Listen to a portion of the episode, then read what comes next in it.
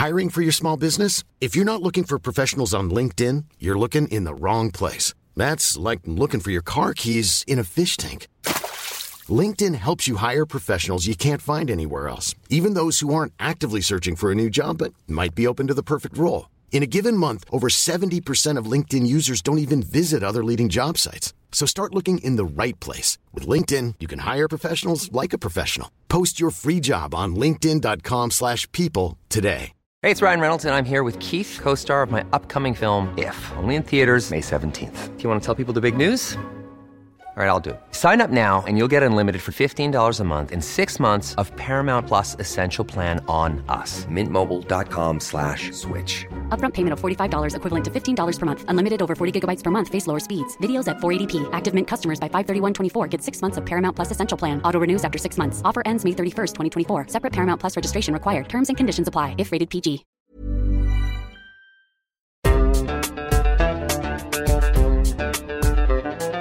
بودكاست صوت.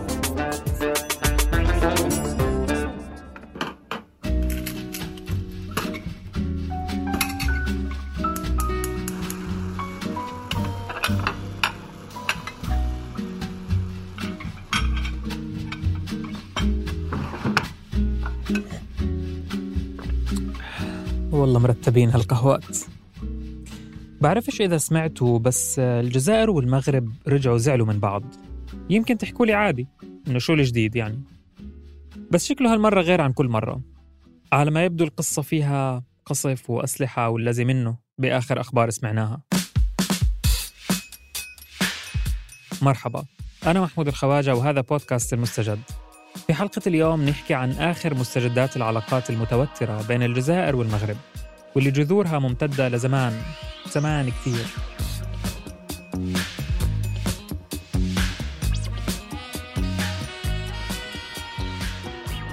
6 heures, la ville de Figuig est l'objet d'attaques extrêmement violentes de la part de l'armée algérienne. إحنا بسنة ال 1936 وهذا صوت الحسن الثاني بن محمد عم بحكي إنه مدينة فقيق عم تتعرض لهجوم عنيف من الصبح من قبل الجيش الجزائري إنه الجزائر اخترقت الحدود المغربية وقدرت تحتل المرتفعات في مدينة فقيق لاحقا شهدت البلد ما عرف بحرب الرمال. كانت عبارة عن مواجهات عسكرية بين البلدين على إثر خلاف حدودي بينهم. تحديدا حول منطقتي تندوف وبشار اللي طالبت فيهم المغرب. بعد مرور سنين تحديدا بسنة ال 76 قرر البلدين قطع العلاقات على خلفية دعم الجزائر لجبهة البوليساريو في صراعها مع المغرب على الصحراء الغربية. ومين البوليساريو هدول يا حذركم؟ لازم نطول الخريطة عشان نفهم. طيب بسم الله. خليني أوصف لكم. دولة المغرب الساحلية من الغرب بتجاورها من الشرق الجزائر على طولها. باستثناء الصحراء الغربية اللي تقع معظمها تحت الإدارة المغربية. هذا الجزء جارته من الشرق موريتانيا واللي جارتها من الشمال الشرقي الجزائر. منطقة صحراوية شاسعة مساحتها حوالي 266 ألف كيلومتر مربع. وبتدير المغرب تقريبا 80% منها والباقي بتديره جبهة البوليساريو. بعد درس الجغرافيا نضب الخارطة على جنب. المنطقة الصحراوية هاي لطالما كان متنازع عليها من قبل المغرب والجزائر.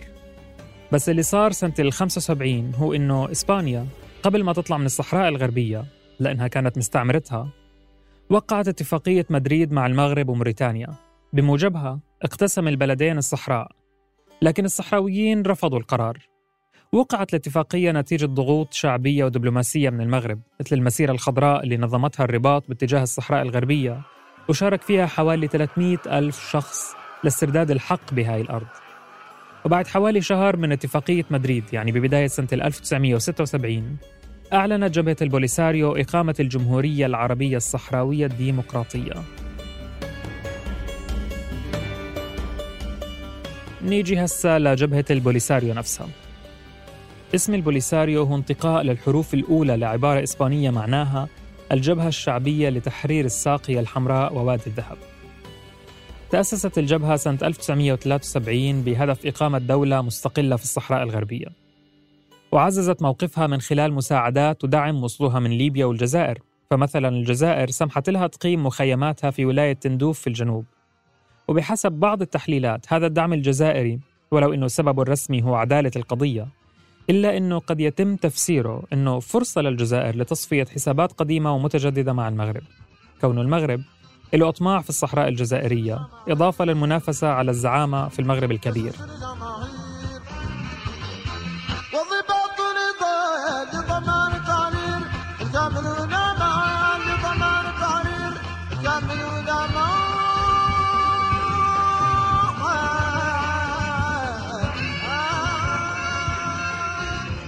عم نسمع أغنية تجييش الجماهير لفرقة موسيقية اسمها الشهيد الولي. الفرقة تسمت نسبة للولي مصطفى أحد مؤسسي جبهة البوليساريو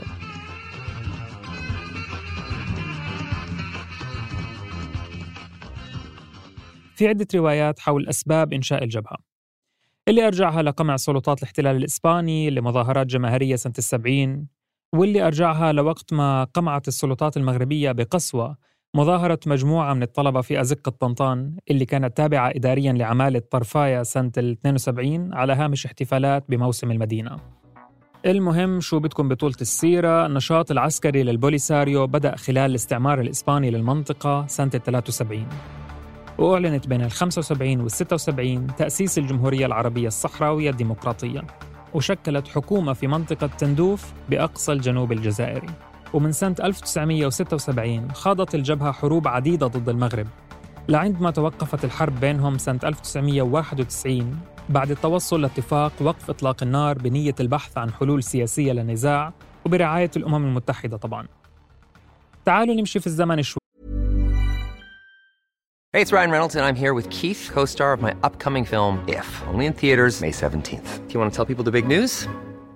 All right, I'll do it. Sign up now and you'll get unlimited for $15 a month in six months of Paramount Plus Essential Plan on us. Mintmobile.com slash switch. Upfront payment of $45 equivalent to $15 per month. Unlimited over 40 gigabytes per month. Face lower speeds. Videos at 480p. Active Mint customers by 531.24 get six months of Paramount Plus Essential Plan. Auto renews after six months. Offer ends May 31st, 2024. Separate Paramount Plus registration required. Terms and conditions apply if rated PG. Hiring for your small business? If you're not looking for professionals on LinkedIn, you're looking in the wrong place. That's like looking for your car keys in a fish tank.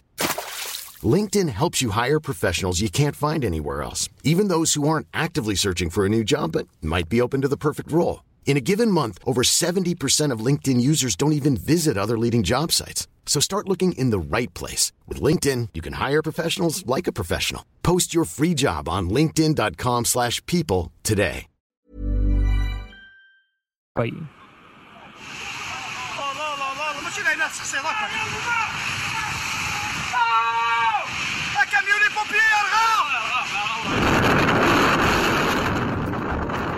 المشهد الجزائري كان طاغيا أيضا على منصات وسائل التواصل الاجتماعي حيث 9 أغسطس 2021 حرائق هائلة تلتهم غابات جزائرية. اتهمت الجزائر منظمتين صنفتهما مؤخرا إرهابيتين بإشعال حرائق الغابات خلال هذا الشهر في البلاد. وقالت الرئاسة الجزائرية بعد اجتماع للمجلس الأعلى للأمن أن الشرطة اعتقلت 22 مشتبها بإشعال الحرائق مشيرة إلى أن المسؤولية الأساسية تقع على عاتق منظمتي رشاد الإسلامية والماك. أيوة سمعتوا مين اتهمت غير إسرائيل؟ المغرب وحركة ماك. خليني أحكي لكم شو قصة حركة ماك. هذه أعزائي سخرية القدر شاءت أنه نفس الجزائر اللي بتدعم جبهة البوليساريو اللي بتطمح للتحرر من المغرب يكون عندها حركة استقلال في منطقة القبائل والمعروفة بماك وبتدعمها المغرب. وهذا بيأخذنا للسبب الثاني اللي أدى لزعل المغرب والجزائر من بعض هالمرة ألا وهو أزمة دبلوماسية جديدة بين البلدين الجارين الجزائر والمغرب. هذه المرة على خلفية تصريحات سفير المغرب في الأمم المتحدة بشأن حق تقرير ما أسماه بشعب القبائل. معلنا لأول مرة دعمه لحركة استقلال منطقة القبائل. وزارة الخارجية الجزائرية استدعت سفيرها بالرباط فورا للتشاور. نظرا لغياب أي صدى إيجابي ومناسب من قبل الجانب المغربي فقد تقرر اليوم استدعاء سفير الجزائر بالرباط فورا للتشاور كما لا يستبعد اتخاذ إجراءات أخرى حسب التطور الذي تشهده هذه القضية. هذا الخبر انتشر قبل حوالي شهر من اندلاع الحرائق في الجزائر يعني كانت العلاقة متوترة أساساً وأجت الحرائق أذكتها. هذا إضافة إلى أن الجزائر اتهمت المغرب باستخدام برنامج بيجاسوس الإسرائيلي للتجسس عليها. حكينا عن برنامج بيجاسوس في هذا الموسم. ارجعوا للحلقة. المهم قبل ما الشهر يخلص حتى بيطلع وزير الخارجية الجزائري رمطان العمامرة وبيحكي لكل هذه الأسباب وبناء على العوامل والمعطيات السالفة الذكر فقد قررت الجزائر قطع العلاقات الدبلوماسية مع المملكة المغربية ابتداء من اليوم.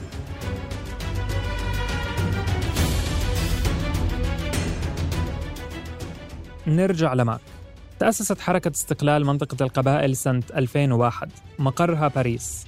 هي حركة غير مرخصة في الجزائر حتى أن الحكومة صنفتها السنة الماضية من ضمن المنظمات الإرهابية. تأسست بشكل أساسي للمطالبة بالحكم الذاتي في منطقة القبائل اللي غالبية سكانها من الأمازيغ. سنة 2010 كانت نقطة تحول في مسار الحركة.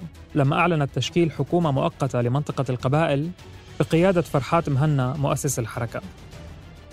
هاي كانت سابقة في تاريخ الجزائر الحديث بس طبعا ما دامت تعرض قادة الحركة لملاحقة السلطات الجزائرية اللي اعتقلت أعضائها وحظرت نشاطها واليوم بعيش معظم قادة الحركة في فرنسا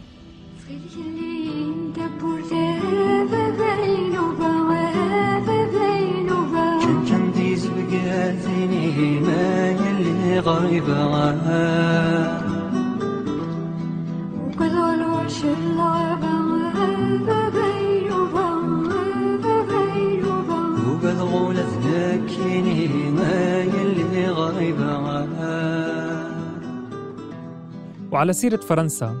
تعالوا نحكي على جارتها وجارة جارتها شوي إسبانيا والبرتغال.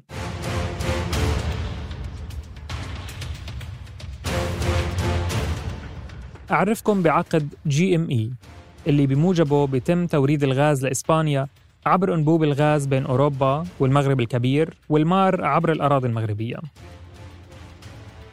عبر هذا الأنبوب ترسل الجزائر سنويا من 96 حوالي 10 مليار متر مكعب من الغاز الطبيعي لإسبانيا والبرتغال. المهم بعد يومين من إعلان العمامرة قطع علاقات بلاده مع المغرب.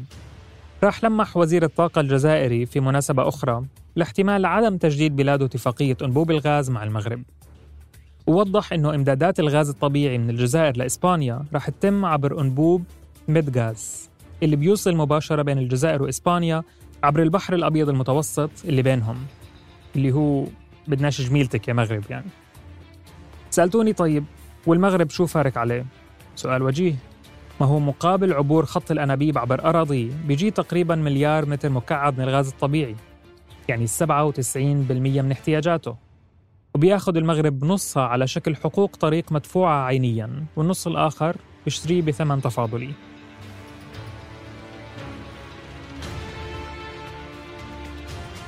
آخر التطورات بين المغرب والجزائر كانت. اهتزت المنصات الجزائرية والمغربية بفيديو لشاحنتين جزائريتين محترقتين ومقتل ثلاثة سائقين جزائريين. بقي الخبر محل تشكيك ل 24 ساعة إلى أن أصدرت الرئاسة الجزائرية بيانا تشتبه فيه بضلوع قوات مغربية في الهجوم وتقول إن اغتيالهم لن يمضي دون عقاب. المغرب لم يصدر أي بيان لحد الآن بشأن الحادث أو بشأن ما ذهبت إليه الرئاسة الجزائرية. الهجوم وقع يوم الفاتح من نوفمبر صباحا في حدود الحادية عشرة صباحا.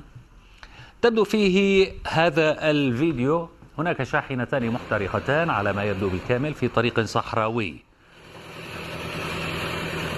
أعوذ بالله السميع العليم. ذات النار قادية الفيديو مش كثير واضح بس بنشوف فيه شاحنتين مفحمات في نص الصحراء.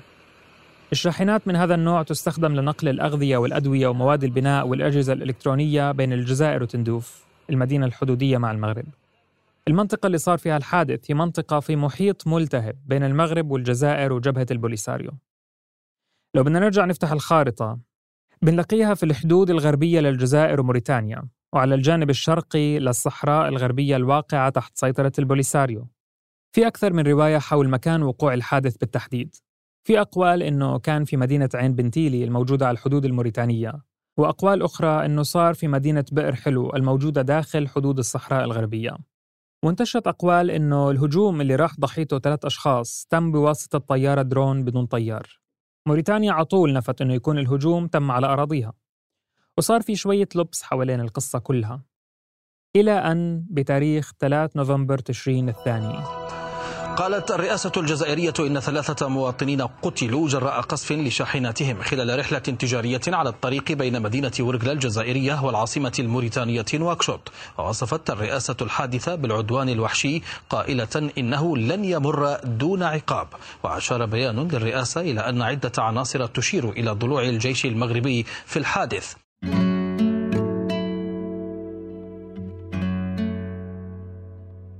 ومن وقتها في حكي إنه قد تكون هناك مواجهة عسكرية بين البلدين تلوح في الأفق. مش كثير واضح لحد هاي اللحظة شو ممكن تكون العواقب المترتبة على مواجهة من هذا النوع لو وقعت فعلا. لكن ممكن نحكي إنه الاشتباكات الأخيرة بين الجزائر والمغرب هي أحد تجليات التنافس اللي بادي من زمان بين البلدين واللي لا يمكن تجاهله في هاي المرحلة. في تحليلات بتشير إلى أنه ممكن نضطر نتعود على عدم الاستقرار الإقليمي الناجم عن هاي التوترات بعد سنوات من الاحتقان وبقاء الحال على وضعه الراهن.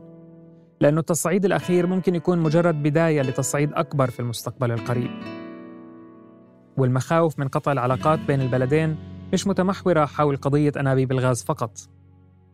إنما المنطقة عموما مش ناقصها مصايب شوفوا ليبيا مثلا وتونس اللي وضعها مش ولا بد في الآونة الأخيرة. التوتر الجزائري المغربي رح يكون له بلا شك تبعات عديدة. ممكن من أهمها تأثيره على التعاون ما بين الدول المغاربية خصوصا أنه انخفاض مستويات التكامل الاقتصادي والتجارة الإقليمية. واللي بيعني تزايد الاعتماد على التبادل التجاري مع الدول يلي خارج هاي المنطقة هو من سمات المغرب الكبير. ومع ذلك كان وزير الخارجية الجزائري قال خلال إعلان قطع العلاقات بين البلدين إنه قطع العلاقات الدبلوماسية لا يعني تضرر المواطنين الجزائريين والمغاربة والقنصليات بتباشر عملها بصفة طبيعية. لكن هذا كان قبل أشهر من آخر مناوشات وقبل ما يصير اللي صار. وهذا بخلينا نتساءل عن تاريخ صلاحية هذا التصريح في هاي المرحلة. كونه أول من بدفع ثمن المواجهات من هذا النوع في العادة هم الشعوب.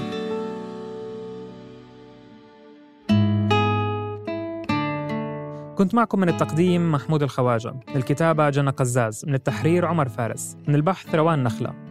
الهندسة الصوتية لتيسير قباني. بودكاست المستجد من إنتاج صوت.